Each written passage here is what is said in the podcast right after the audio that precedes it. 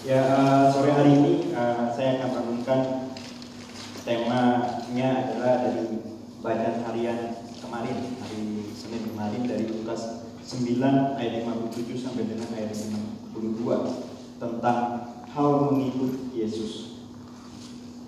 Lukas pasal 9 ayat 57 sampai dengan ayatnya yang ke-62.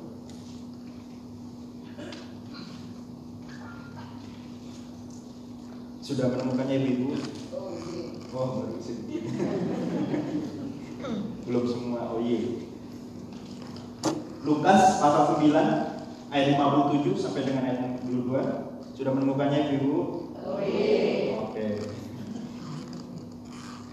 Saya bacakan bagi kita sekalian, silakan ibu-ibu memperhatikan dalam Alkitab masing-masing ataupun handphonenya masing-masing. Demikian firman Tuhan. Hal mengikut Yesus Ketika dan murid-muridnya melanjutkan perjalanan mereka, berkatalah seorang di tengah jalan kepada Yesus, Aku akan mengikut engkau ke mana saja engkau pergi. Yesus berkata kepadanya, Serigala mempunyai liang dan burung mempunyai sarang, tetapi anak manusia tidak mempunyai tempat untuk meletakkan kepalanya. Lalu dia berkata kepada seorang lain, Ikutlah aku. Tetapi orang itu berkata, Izinkanlah aku pergi dahulu menguburkan bapakku. Tetapi Yesus berkata kepadanya, biarlah orang mati mati. Tetapi engkau pergilah dan beritakanlah kerajaan Allah di mana-mana. Dan seorang lain lagi berkata, aku akan mengikut engkau Tuhan. Tetapi izinkanlah aku pamitan dahulu dengan keluarga. Tetapi Yesus berkata, setiap orang yang siap untuk membajak, tetapi menoleh ke belakang, tidak layak untuk kerajaan Allah. Amin. Ibu-ibu dan saudara Yesus Kristus, jika saya bertanya Apakah ibu-ibu pengikut Kristus? Atau dalam bahasa lain, apakah ibu-ibu seorang Kristen?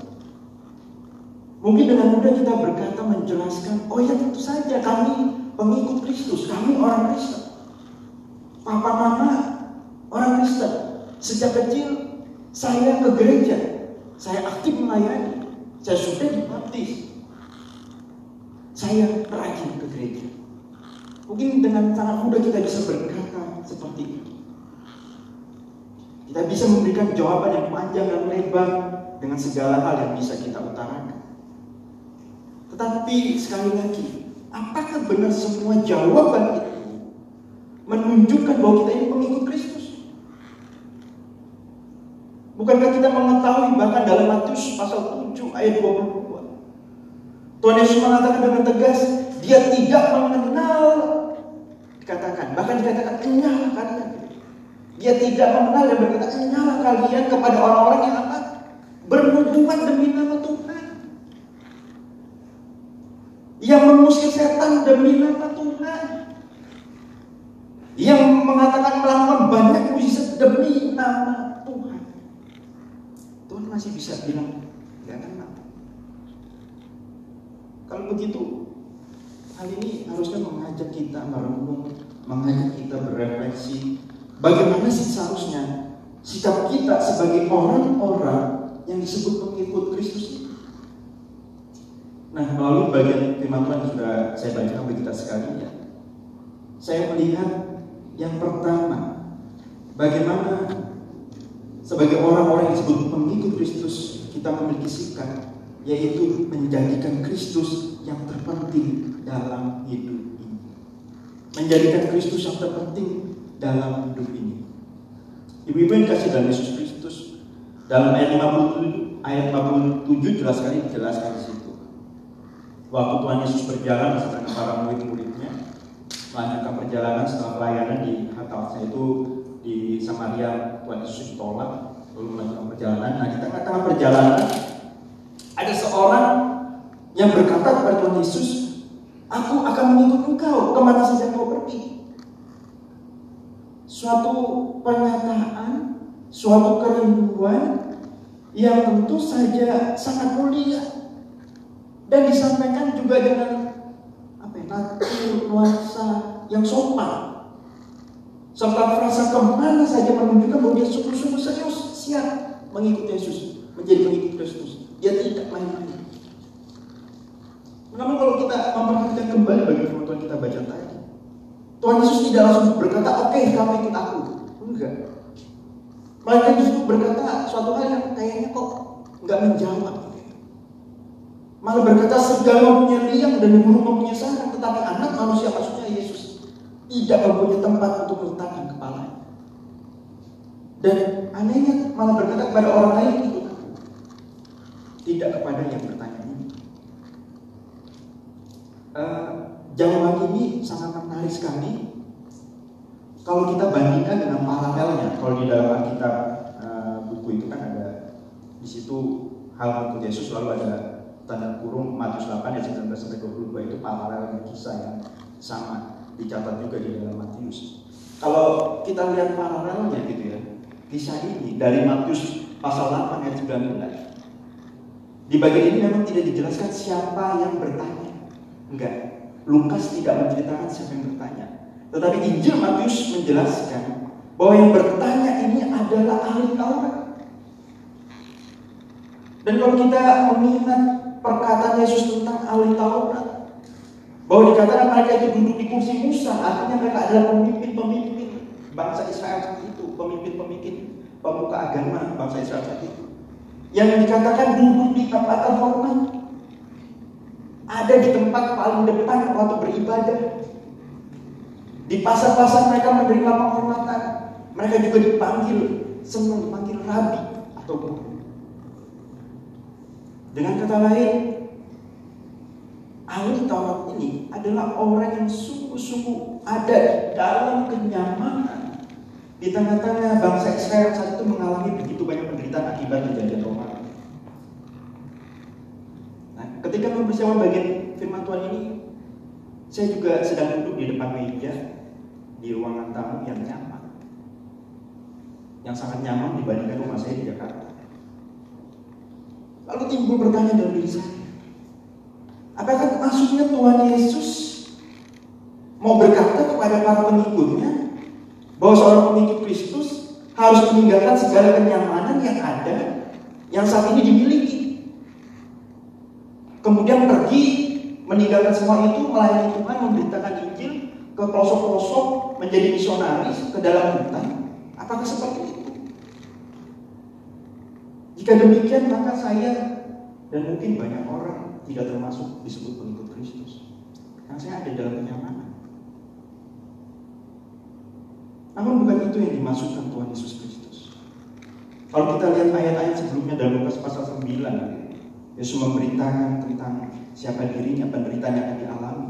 Dan di ayat 23 dikatakan, Yesus berkata, katanya kepada mereka semua, setiap orang yang mau mengikut aku, ia harus menyangkal dirinya, memikul salibnya setiap hari dan mengikut aku. Dengan kata lain menjadi pengikut Kristus membutuhkan hidup penyangkalan diri, bukan pemanjaan diri. Seorang teolog bernama Jesse Ryle mengatakan Kristus ingin agar para pengikutnya memahami dengan jelas bahwa ada pertempuran yang harus diperjuangkan, perlombaan untuk dijalankan, pekerjaan yang harus dilakukan, dan banyak hal sulit yang harus dijalani. Kristus tidak ingin kita tidak mengetahui bahwa kita akan memiliki musuh yang mematikan dunia, daging, dan iblis iblis. Banyak orang yang akan membenci kita, memfitnah kita, menganiaya kita jika kita menjadi pengikutnya. Ini bukan untuk mengecilkan hati kita, tetapi karena Kristus ingin kita mengetahui kebenaran. Itu kata teolog bernama Jesse Wright. Dengan kata lain, melalui hal ini saya ingin mengatakan bahwa Tuhan Yesus menunjukkan dengan sangat jujur seorang yang menjadi pengikut Kristus. Ada harga yang harus dibayar akan ada kesulitan yang dialami akan mengalami penolakan penolakan bahkan penganiayaan karena Kristus karena itu penting sekali penting sekali untuk menjadikan Kristus yang terpenting dalam hidup ini paling penting, terpenting dari lain. Terpenting dalam hidup ini. Sebab saat kita menjadikan Yesus itu yang terpenting dalam hidup kita, maka kita akan mampu menghadapi semua itu sebagai seorang pengikut Kristus. Saya sering mengutip perkataan Rasul Paulus yang menunjukkan bagaimana kehidupan dia dalam 2 Korintus 11 ayat 23 sampai 20 dan 2 Korintus 12 ayat 9 demikian firman Tuhan. Apakah mereka pelayan Kristus? Aku berkata seperti orang gila, aku lebih lagi. Aku lebih banyak berjadi lelah, lebih sering di dalam bencana, didera di luar batas, kerap kali dalam bahaya. Lima kali aku disesah orang Yahudi, setiap kali empat puluh kurang satu pukulan. Tiga kali aku didera, satu kali aku dilempar dengan batu. Tiga kali mengalami karam kapal. Sehari semalam aku terkantung-kantung di tengah laut. Dalam perjalananku aku sering diajak bahaya banjir dan bahaya nyamuk. Bahaya dari pihak orang-orang Yahudi dan dari pihak orang-orang bukan Yahudi. Bahaya di kota, bahaya di padang gurun. Bahaya di tengah laut dan bahaya dari pihak saudara-saudara palsu. Aku banyak berjerit lelah dan bekerja berat. Kerap kali aku tidak tidur, aku lapar dan dahaga. Kerap kali aku berpuasa kedinginan dan tanpa pakaian. Dan dengan tidak menyebut banyak hal lain lagi, urusanku sehari-hari yaitu untuk memelihara semua jemaat-jemaat. Jika ada orang merasa lemah, tidakkah aku turut merasa lemah? Jika ada orang tersandung, tidak, tidakkah hatiku hancur oleh duka cita? Jika aku harus bermegah, maka aku akan bermegah atas kelemahanku. Dikatakan, tetapi jawab Tuhan kepadaku, cukuplah kasih karuniaku bagi, sebab justru dalam kelemahan kuasa menjadi sempurna. Sebab itu terlebih suka aku bermegah atas kelemahanku, supaya kuasa Kristus turun Rasul Paulus bisa menjadi pengikut Kristus di tengah-tengah penderitaan tidak gampang, di tengah-tengah kesulitan yang tidak mudah, menjadikan Kristus itu yang terpenting dalam hidupnya. Karena ketika menjadikan Kristus yang terpenting dalam hidupnya, justru di dalam kelemahan-kelemahan itu dia melihat kuasa Kristus yang. Justru dalam penderitaan-penderitaan itu dia melihat kuasa Kristus yang bekerja luar biasa, yang memampukan dia mengalami semua itu tapi tetap bertahan sebagai pengikut Kristus sampai pada akhirnya. Pertanyaannya ibu, bagaimana dengan kita? Sudahkah kita menjadikan Kristus yang terpenting dalam hidup itu? Jika kita masih menomor duakan Kristus dibandingkan dengan lainnya dalam hidup ini, meski mungkin kita rajin beribadah, meski mungkin kita rajin melayani, aktif dalam kegiatan gereja, maka kita tidak layak disebut pengikut Kristus. Kita hanya penggemar Kristus. Firman Tuhan berkata dalam Matius 10 ayat 37 sampai dengan 38. Barang siapa mengasihi bapak atau ibunya lebih daripada aku, ia tidak layak bagiku. Dan barang siapa mengasihi anaknya laki-laki atau perempuan lebih daripada aku, ia tidak layak bagiku. Barang siapa tidak memikul salibnya dan mengikut aku, ia tidak layak bagiku. Jadikan dia yang paling penting dalam hidup ini. Yang terpenting dalam hidup ini. Maka percayalah kita menjadi pengikut-pengikut Kristus yang sungguh berkenan di hadapannya. Yang kedua, bagaimana seharusnya sikap kita sebagai orang-orang yang disebut pengikut Kristus dari bagi Tuhan ini saya lihat memikirkan pekerjaan Tuhan, memikirkan pekerjaan itu. Ibu kasih di dalam Yesus itu kalau kembali kita melihat bagian firman Tuhan kita baca tadi dalam ayat 19 ayat 59. Maka kita melihat orang kedua ini berbeda dengan orang pertama. Dia tidak menawarkan diri untuk mengikut Tuhan Yesus. Tetapi justru Tuhan Yesus memintanya untuk ikut dia, untuk ikut Kristus. Bukankah berarti orang ini sangat istimewa? Bukankah orang ini dilihat Tuhan Yesus punya potensi untuk kerajaan Allah? Sehingga orang ini disejajarkan dengan 12 murid terdekat Tuhan Yesus itu. Di mana kalau kita melihat kisah pemanggilan para murid 12 murid Tuhan Yesus, saya mencatat hanya dua saja. Di dalam Matius 4 ayat 19 dikatakan saat Tuhan Yesus melihat Petrus dan Andreas, kemudian dia berkata kepada mereka, mari ikutlah aku. Dicatat di sini tanpa banyak alasan Petrus dan Andreas mengikuti Tuhan Yesus meninggalkan jalan. Demikian juga dalam Matius 9 dan 9. Dikatakan setelah Tuhan Yesus melihat Matius menunjukkan itu, ia berkata kepada Matius, ikutlah aku. Dan tanpa pikir banyak, tanpa banyak alasan dikatakan Matius pergi mengikuti Yesus, meninggalkan semua keuntungan menjadi seorang pemungut cukai pada saat itu. Namun kita perhatikan orang ini Tuhan Yesus memintanya untuk ikut. Ikut aku. Tetapi tidak seperti para murid terdekat Tuhan Yesus. Dengan sangat sopan, orang ini bilang izin Tuhan, dulu kepada Tuhan, aku mau menguburkan Bapakku.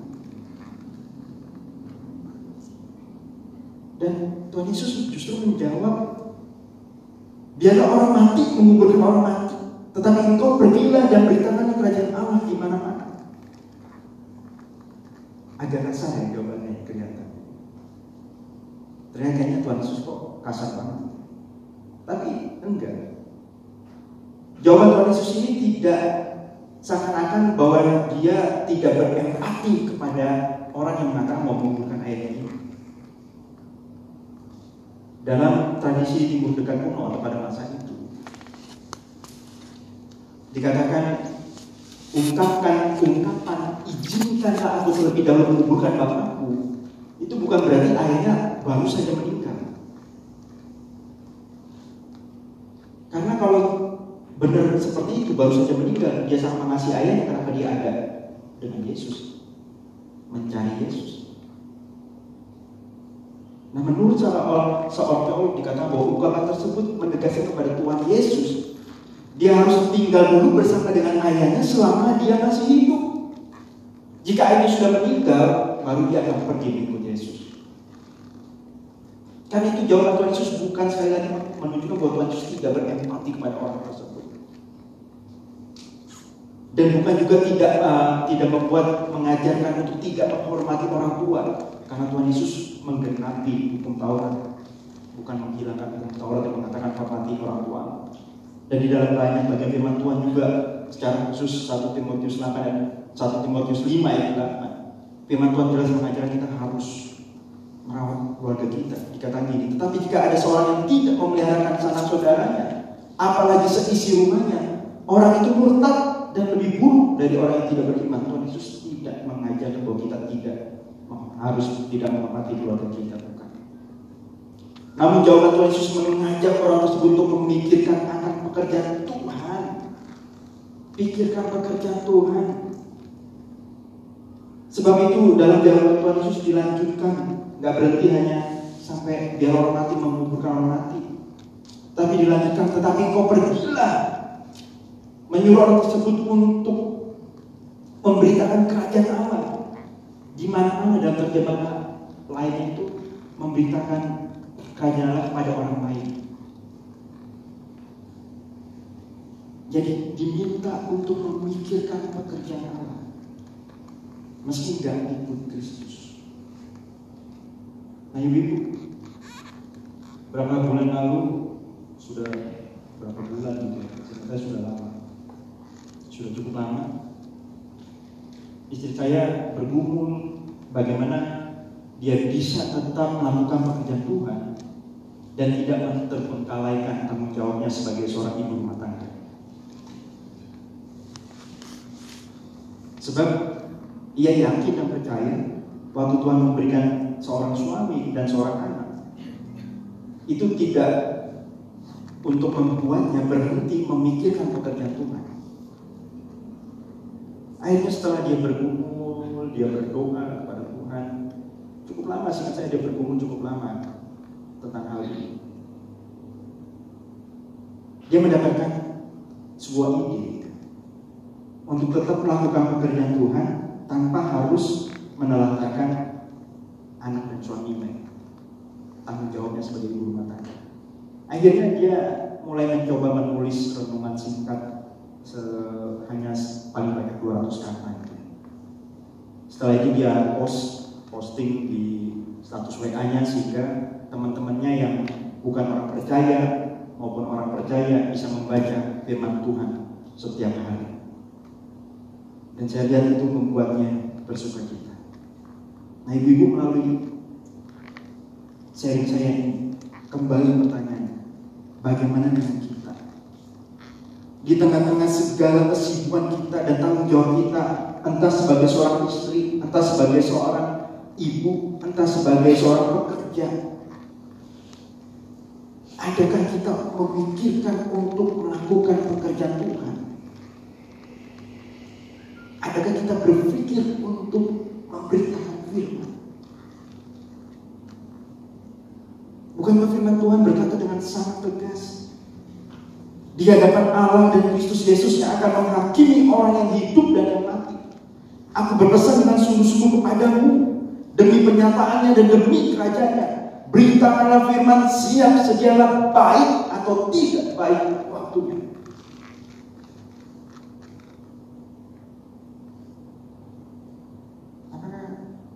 Dalam hidup ini sebagai pengikut Kristus, orang yang mengaku pengikut Kristus, pernahkah kita memikirkan pekerjaan Tuhan? Karena kalau enggak, Anda tanya, sungguhkah kita pengikut Kristus? Nah, ibu yang dikasih dalam Yesus Kristus, saya suka bagi firman Tuhan ini ditutup dengan kisah orang yang ketiga. Di mana kita melihat orang ketiga ini berkata, aku akan mengikut engkau. Dia menawarkan diri sama seperti orang pertama. Dan dia juga meminta izin kepada Tuhan sama seperti orang kedua. Perbedaannya, dia minta izin hanya sebentar kelihatannya gitu. Cuma pamitan sama keluarganya. Seharusnya nggak salah kan? Paling dia pamitan sebentar ke keluarganya, terus balik lagi dan mengikut Tuhan Yesus. Tetapi orang ketiga ini lupa siapa yang diajak bicara. Atau dia tidak sungguh-sungguh mengetahui dan mempercayai siapa yang sedang diajak bicara. Dia adalah Tuhan. 1 Samuel 16 ayat 7 yang terkenal itu. Dan dua dan Yohanes pasal 2 ayat 25 berkata gini. Dan karena tidak perlu seorang pun memberi kesaksian kepadanya maksudnya kepada Yesus tentang manusia. Sebab ia tahu apa yang ada di dalam hati manusia. Tuhan tahu hati manusia. Sebab itu kata tetapi dan kata menoleh ke belakang dari jawaban Tuhan Yesus. Padahal kata menegaskan bahwa Tuhan tahu hati orang ketiga ini yang tidak segenap hati untuk mengikuti alias bercabang. Dengan kata lain saya mengatakan kisah ketiga ini mau berbicara kepada kita menjadi pengikut Kristus bukan saja harus menjadikan Tuhan yang terpenting dalam hidup ini. Bukan saja sekedar memikirkan untuk melakukan pekerjaan Tuhan. Tapi lakukan semua itu dengan segenap hati. Berikan sepenuhnya hati kita kepada Tuhan. Karena dia tahu kedalaman hati umatnya. Dia tahu. Gak bisa main-main sama dia. Gak bisa main-main menjadi pengikutnya. Dia tahu hati setiap kita. Bahkan hati saya dia tahu. Karena itu jadilah pengikut Kristus yang memberikan hati kita sepenuhnya bagi Tuhan. Sebab sekali lagi saya mengatakan firman Tuhan mau berkata dengan sangat tegas. Siapa yang bercabang hatinya tidak layak bagi Tuhan. Tidak bisa disebut sebagai pengikut Kristus. Firman Tuhan berkata, tak seorang pun dapat mengabdi kepada dua Tuhan. Karena jika demikian dia akan membenci yang seorang dan mengasihi yang lain. Atau ia akan setia kepada yang seorang dan tidak memindahkan yang lain.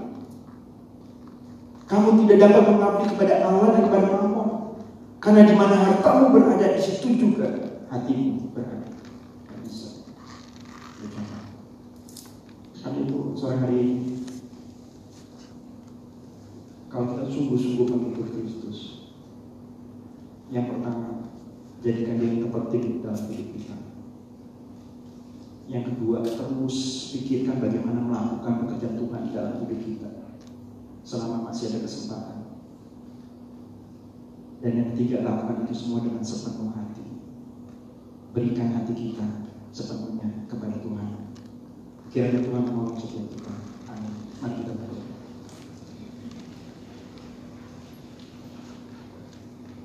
Ya Tuhan Yesus, kami datang kepada Tuhan.